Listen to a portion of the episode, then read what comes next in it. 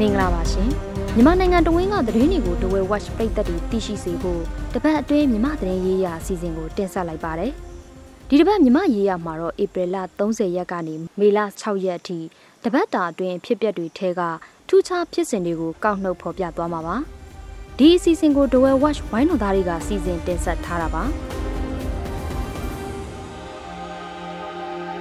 ဆရာနာသိန်းနှစ်နှစ်ကျော်ကာလမှာစစ်ကောင်စီရဲ့တိုက်ခိုက်မှုတွေကြောင့် ကလေး395ဦးအသက်သေဆုံးခဲ့တယ်လို့အမျိုးသားညီညွတ်ရေးအစိုးရ NUG ရဲ့အမျိုးသမီးလူငယ်နဲ့ကလေးသူငယ်ရေးရာဝန်ကြီးဌာနကထုတ်ပြန်ပါတယ်။သေဆုံးသူထဲမှာယောက်ျားလေးကပိုများပြီး265ဦးရှိပါတယ်။မိန်းကလေးကတော့118ဦးရှိပြီးကြားမမခွဲခြားနိုင်တာ14ဦးရှိတယ်လို့ဖော်ပြပါတယ်။ပဇီကြီးရွာလေကြောင်းတိုက်ခိုက်ခံခဲ့ရတဲ့ပြီးခဲ့တဲ့ဧပြီလထဲမှာကလေး58ဦးသေဆုံးခဲ့တယ်လို့ဆိုပါတယ်။ 2021ခုနှစ်ကကလေး65ဦးသေဆုံးခဲ့ပြီးတော့2022ခုနှစ်မှာ189ဦးသေဆုံးခဲ့တယ်လို့ဖော်ပြပါဗျ။2023ခုနှစ်လေးလတာကာလအတွင်းမှာတော့123ဦးအထိရှိလာပြီးကလေးသေဆုံးမှုမြင့်တက်လာနေပါတယ်။ကဆုံလပြည့်နေ့မှာစစ်ကောင်စီကနိုင်ငံရေးအကျဉ်းသား2000ကျော်ကိုလွန်ငင်းခွင့်ပေးလိုက်ပြီးတေတံချမှတ်ခံထားရသူ38ဦးကိုလည်းတေတံကနေလွန်ငင်းခွင့်ပေးလိုက်ပါတယ်။ လွန်ငင်းခွင့်ပေးလိုက်တဲ့နိုင်ငံရေးအကျဉ်းသား2153ဦးကတော့ရာဇသက်ကြီးဥပဒေပုံမှန်905ကကြီးနဲ့ဖမ်းဆီးတရားစွဲဆိုပြီးထောင်သွင်းအကျဉ်းချခံထားရသူတွေဖြစ်ပါတယ်။စစ်ကောင်စီကမြန်မာနှစ်စန်းတရက်ဧပြီလ18ရက်ကလည်းအကျဉ်းသား3000ကျော်ကိုလွန်ငင်းခွင့်ပေးခဲ့ပါသေးတယ်။အဲ့ဒီလိုလွန်ငင်းခွင့်ပေးရမှာနိုင်ငံရေးအကျဉ်းသား3ဦးပဲပါဝင်ခဲ့တဲ့အတွက်ဝေဖန်မှုတွေရှိခဲ့ပါတယ်။အခုဒီချိန်မေလ3ရက်မှာလွန်ငင်းခွင့်ပြုရမှာတော့ စစ်အာဏာသိမ်းကာလမှာနိုင်ငံရေးအကျဉ်းသားအများဆုံးပြန်လွှတ်ပေးတာလည်းဖြစ်ပါတယ်။သတင်းသမား9ဦးလည်းလူငင်းခွင့်ပြုရမှာပါဝင်လာပါတယ်။ဒီဒီချိန်လူငင်းခွင့်ဟာတရုတ်နိုင်ငံသားရေးဝန်ကြီးနေပြည်တော်ကိုရောက်ရှိနေချိန်နဲ့လည်းတိုက်ဆိုင်နေတာကြောင့်ဆက်ဆက်မှုရှိနိုင်တယ်လို့လည်းသုံးသပ်မှုတွေရှိနေပါတယ်။အာဏာသိမ်းပြီးနောက်မှာလူငင်းခွင့်12ကြိမ်ပေးခဲ့ပြီးအကျဉ်းသား9500ကျော်ကိုလွှတ်ပေးခဲ့တဲ့အထက်မှာနိုင်ငံရေးအကျဉ်းသားက10ရာခိုင်နှုန်းလောက်ပဲပါဝင်ခဲ့ပါတယ်။ တရုတ်နိုင်ငံသားရေးဝန်ကြီးမစ္စတာချင်းကန်းဟာမေလ2ရက်နေ့မှာမြန်မာနိုင်ငံကိုရောက်လာပြီးစစ်ကောင်စီဥက္ကဋ္ဌဘူချုံမူကြီးမင်းအောင်လှိုင်နဲ့နေပြည်တော်မှာတွေ့ဆုံခဲ့ပါတယ်။ဝန်ကြီးတာဝန်ယူပြီးနောက်မြန်မာနိုင်ငံကိုပထမဆုံးအကြိမ်ရောက်လာတာပါ။မြန်မာနိုင်ငံကိုမလာခင်ကုလသမဂ္ဂထွေထွေအတွင်းရေးမှူးချုပ်ရဲ့မြန်မာနိုင်ငံဆိုင်ရာအထူးကိုယ်စားလှယ်နဲ့လည်းတရုတ်နိုင်ငံမှာတွေ့ဆုံပြီးမြန်မာအရေးဆွေးနွေးခဲ့ပါသေးတယ်။ တရုတ်နိုင်ငံကနိုင်ငံတကာစာမျက်နှာမှာစစ်ကောင်စီနဲ့အတူရပ်တည်နေတာကို ပြသဖို့လာတာလို့ဝင်ကြီးချင်ကန်းကပြောဆိုတယ်ဆိုပြီးစစ်ကောင်စီလက်အောက်ခံသတင်းစာတွေကဖော်ပြပါဗျ။ဒီခီးစင်မှာနေဆက်ကအွန်လိုင်းငွေလိမ်ဂိုင်းတွေကိုနှိမ်နင်းဖို့စစ်ကောင်စီကိုတိုက်တွန်းခဲ့ပြီးမြန်မာဘင်္ဂလားဒေ့ရှ်ဆက်ဆံရေးပိုကောင်းအောင်ဆောင်ရွက်နေတယ်လို့လည်းပြောဆိုခဲ့ပါတယ်။ဝင်ကြီးချင်ကန်းဟာဘူချုံမူကြီးဟောင်းဦးတန်းရွှေနဲ့လည်းနေပြည်တော်မှာတွေ့ဆုံခဲ့ပါသေးတယ်။ကရင် မျိုးသားအစည်းအရုံး KNU ဥက္ကဋ္ဌနေရာအတွက်ဘဒူစောကွယ်ထူဝင်ရွေးချယ်ခံလိုက်ရပြီး KNU ရဲ့10ဦးမြောက်ဥက္ကဋ္ဌဖြစ်လာပါတယ်။ KNU ရဲ့18ကြိမ်မြောက်ညီလာခံကနေမဲစနစ်နဲ့မေလ2ရက်နေ့မှာရွေးချယ်တင်မြှောက်လိုက်တာပါ။လေးနှစ်တစ်ကြိမ်ကျင်းပလေးရှိတဲ့ညီလာခံကို2021ခုနှစ်ဇွန်လမှာကျင်းပဖို့စီစဉ်ခဲ့ပေမဲ့ကိုဗစ်ကပ်ပြီးအာဏာသိမ်းမှုတွေကြောင့်နှစ်နှစ်လောက်နောက်ကျပြီးမှကျင်းပနိုင်ခဲ့တာပါ။ဒီတစ်ကြိမ်ညီလာခံကိုအွန်လိုင်းစနစ်နဲ့လှုပ်ဆောင်ခဲ့တာလည်းဖြစ်ပါတယ်။ ရခင်ဥက္ကဋ္ဌဖြစ်တဲ့စောမှုတူစေးဖူးဟာကျမ်းမာရေးအခြေအနေကြောင့်ရေးပေါ်စေကူတာမှုခံခဲ့ရတဲ့အတွက်ဥက္ကဋ္ဌနေရာအတွက်ဝင်အရွေးမခံခဲ့ဘူးလို့ဆိုပါတယ်။ဆရာနာရှင်စနစ်နဲ့မဟာလူမျိုးကြီးဝါဒကိုဆက်လက်ဆန့်ကျင်တိုက်ဖြတ်ဖို့ညီလာခံကအတည်ပြုခဲ့ပါတယ်။ Federal Democracy ပြည်ထောင်စုပေါ်ပေါက်ရေးဒီမိုကရေစီအရေးအမျိုးသားတန်းတူရေးနဲ့ကိုယ်ပိုင်ပြဋ္ဌာန်းခွင့်ရရှိရေးအတွက်ဆက်လက်ကြိုးပမ်းမယ်လို့လည်းညီလာခံမှာတန်တိတ်ထန်ပြုခဲ့တယ်လို့မေလ9ရက်နေ့မှာထုတ်ပြန်ပါတယ်။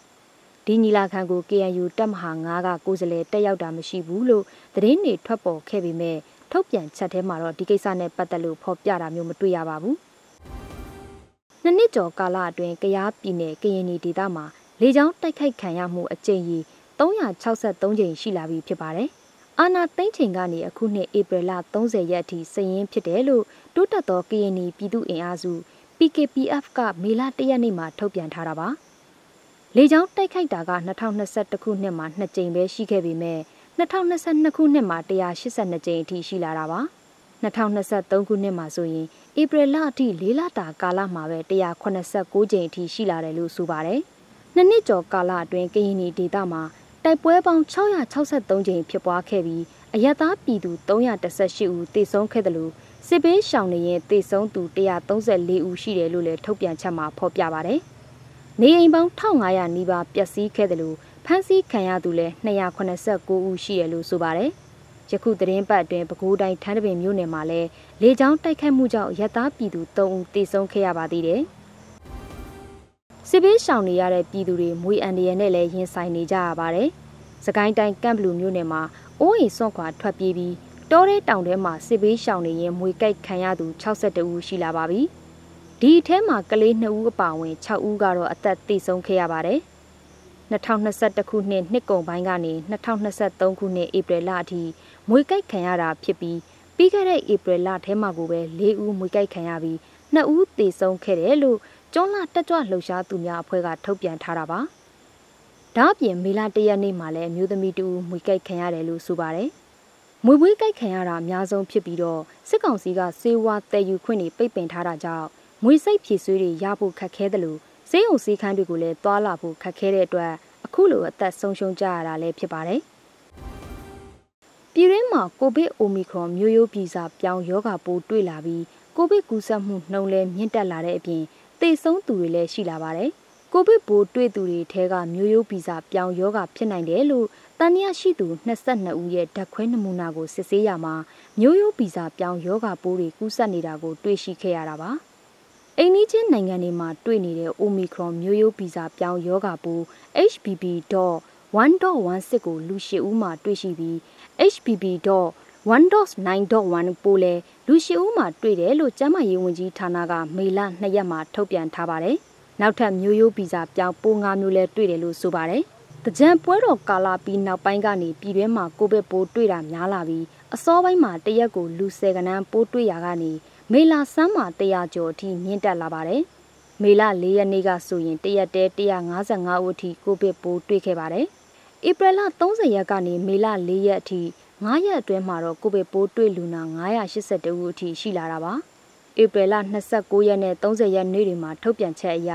ရန်ကုန်မှာကိုဗစ်ရောဂါနဲ့သေဆုံးသူ2ဦးရှိခဲ့ပါတယ်။ဆရာနာသိန်းကာလအတွင်းမှာအလုသမားအခွင့်အရေးတွေပုံမူချိုးဖောက်ခံလာရပြီး ဖိနှိပ်မှုတွေပိုများလာပါတယ်။မေလ၁ရက်နေ့မှာကြာရောက်ခဲ့တဲ့133ကြိမ်မြောက်ပြည်ပြည်ဆိုင်ရာအလုပ်သမားနေ့မှာအလုပ်သမားသမဂ္ဂအဖွဲ့ချုပ်တွေရဲ့ထုတ်ပြန်ချက်တွေမှာထည့်သွင်းဖော်ပြကြတာပါ။လုပ်ငန်းခွင်ဖိနှိပ်မှုတွေပိုများလာပြီးအလုပ်သမားထုဟာစာဝတ်နေရေးတွေနဲ့အထွေထွေအကြက်တဲတွေကိုအပြင်းထန်ခံနေရတယ်လို့သွေးစည်းညီညွတ်သောသမဂ္ဂများအဖွဲ့ချုပ်မြန်မာကထုတ်ပြန်ပါတယ်။ ဒါကြောင့်အလုပ်သမားတွေရဲ့တရက်အနည်းဆုံးလောက်ခကို4800သတ်မှတ်ထားရကနေကျပ်တောင်းအထိတိုးမြင့်သတ်မှတ်ပေးဖို့လဲတောင်းဆိုထားပါတယ်။မြန်မာနိုင်ငံလုံးဆိုင်ရာအလုပ်သမားတမကများအဖွဲ့ချုပ်ကတော့အာဏာသိမ်းချိန်ကနေအလုပ်သမားတွေရဲ့အခွင့်အရေးဆူဆူဝါးဝါချိုးဖောက်ခံရပြီးအကြက်တဲများစွာကြုံနေရတယ်လို့ဆိုပါတယ်။နောက်တစ်ခါမြန်မာနိုင်ငံအထွေထွေအလုပ်သမားတမကများအဖွဲ့ချုပ်ကလည်းအလုပ်သမားတွေဟာခေါင်းပုံဖြတ်မှုမျိုးစုံခံနေရတယ်လို့ဆိုပါတယ်။အမြဲတမ်းလကစားဝန်ထမ်းတွေကိုနေစားအဖြစ်ပြောင်းတာ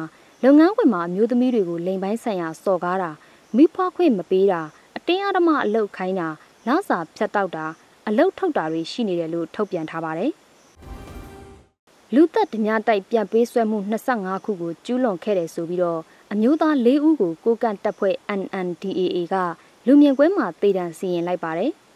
အရှိမြောက်တိုင်းစစ်ဌာနချုပ်တည်ရှိတဲ့ရှမ်းပြည်နယ်မြောက်ပိုင်းလာရှိုးမြို့နယ်ထဲမှာမေလ2ရက်ကစီစဉ်ခဲ့တာလည်းဖြစ်ပါတယ်။ သူတို့ဟာတရုတ်နိုင်ငံသားတဦးအမျိုးသမီး2ဦးအပါအဝင်စုစုပေါင်းလူ9ဦးကိုလည်းတပ်ဖြတ်ခဲ့တယ်လို့ထုတ်ပြန်ထားပါတယ်။တည်ရန်စီရင်ခံရသူတွေဟာလာရှိုးမြို့9ရပ်ကွက်မှာနေထိုင်သူတွေဖြစ်ပြီးအသက်18နှစ်ကနေ29နှစ်ကြားရှိသူတွေဖြစ်ကြပါတယ်။သူတို့စီကနေတရုတ်ယွမ်၄တန်းကျော်ကျပ်ငွေတန်း9000ကျော်နဲ့ဇိမ်ခံကားတွေဖမ်းမိတယ်လို့ဆိုပါတယ်။မြန်မာနိုင်ငံမှာစစ်ကောင်စီကနှစ်30ကျော်အကြာမှာတည်တံစီရင်တာကိုပြန်လှုပ်လာတဲ့အပေါ် ကုလသမဂ္ဂနဲ့နိုင်ငံတကာကလူအခွင့်အရေးတက်ကြွလှုပ်ရှားသူတွေပြစ်တင်ရှုတ်ချနေချိန်မှာပဲတိုင်းရင်းသားလက်နက်ကိုင်အဖွဲ့တစ်ဖွဲ့ကအခုလိုစီရင်လာတာလည်းဖြစ်ပါတယ်